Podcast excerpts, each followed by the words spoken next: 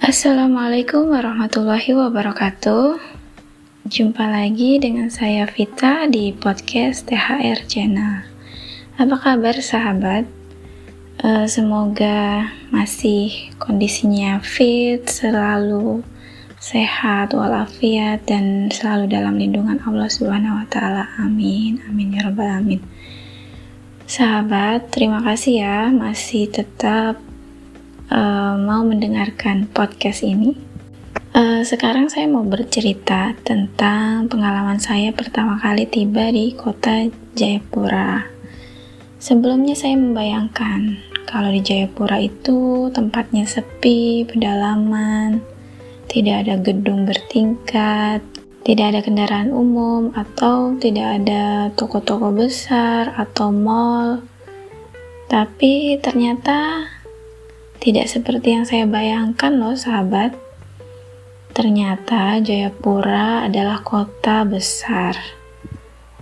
Kota di mana seperti kota-kota yang lain di Indonesia banyak kendaraan yang lalu lalang, jalanan bagus beraspal mulus, dan ada juga mall besar seperti yang ada di Bogor, Meski begitu, masih ada pemandangan alam yang segar dipandang mata, danau dan bukit-bukit di sepanjang sisi jalan dari arah bandara menuju kota. Kemudian ada pantai di seberang gedung kantor gubernur, dan juga ada beberapa gedung yang hampir mencakar langit. Masya Allah. Itulah pemandangan yang pertama kali saya lihat ketika tiba di Jayapura. Memang seharusnya Papua demikian. Kondisinya harusnya Papua itu maju dan berkembang. Seandainya saja Gunung Emas di Papua tidak dikuasai oleh pihak asing atau penjajah.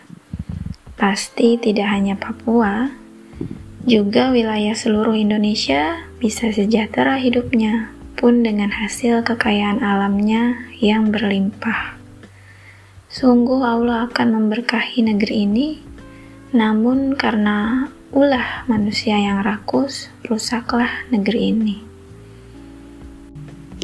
Sistem sekularisme telah diterapkan untuk mengatur negeri ini maka terjadilah kerusakan.